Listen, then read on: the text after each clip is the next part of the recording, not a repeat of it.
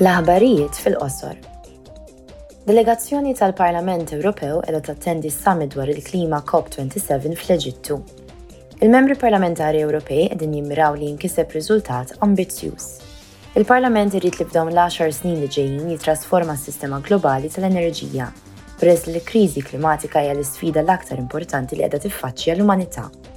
Nhar il-Ħamis li ġej il-President ta' Delegazzjoni Bas Ekut u l-Viċi President tal-Kummissjoni Franz Timmerman mistennija jagħtu konferenza stampa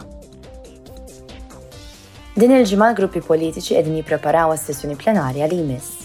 Il-ġimgħa d-dieħla fi Strasburgu l-membri parlamentari Ewropej se jiddibattu jivvutaw dwar il-protezzjoni tal-infrastruttura essenzjali u regoli l-ġodda sabiex jiġi żgurat li fil-bordijiet ta' kumpaniji elenkati fil-borża ikun hemm il-parità bejn il-ġeneri. Il-Membri Parlamentari Ewropej aktarx se jivvutaw biex jirrikonoxxu lir-Russja bħala sponsor tat-terroriżmu u se jiffokaw fuq ir-relazzjonijiet tal-Unjoni Ewropea maċ-Ċina. Fuq l-aġenda hemm ukoll l-Istrateġija l-ġdida għat-Tkabbir u l-Programm għad-Deċennju Diġitali 2030. Minbarra dan, il-Parlament se jorganizza ċerimonja li tiċċelebra s-70 anniversarju mit-twaqqif tiegħu. Ilbieraħ, bi stennija Tazza tad-Dinja tal-FIFA, l-membri tas-Sottokumitat għad-Drittijiet tal-Bniedem evalwaw il-kundizzjonijiet tal-ħaddiema barranin fil-Qatar.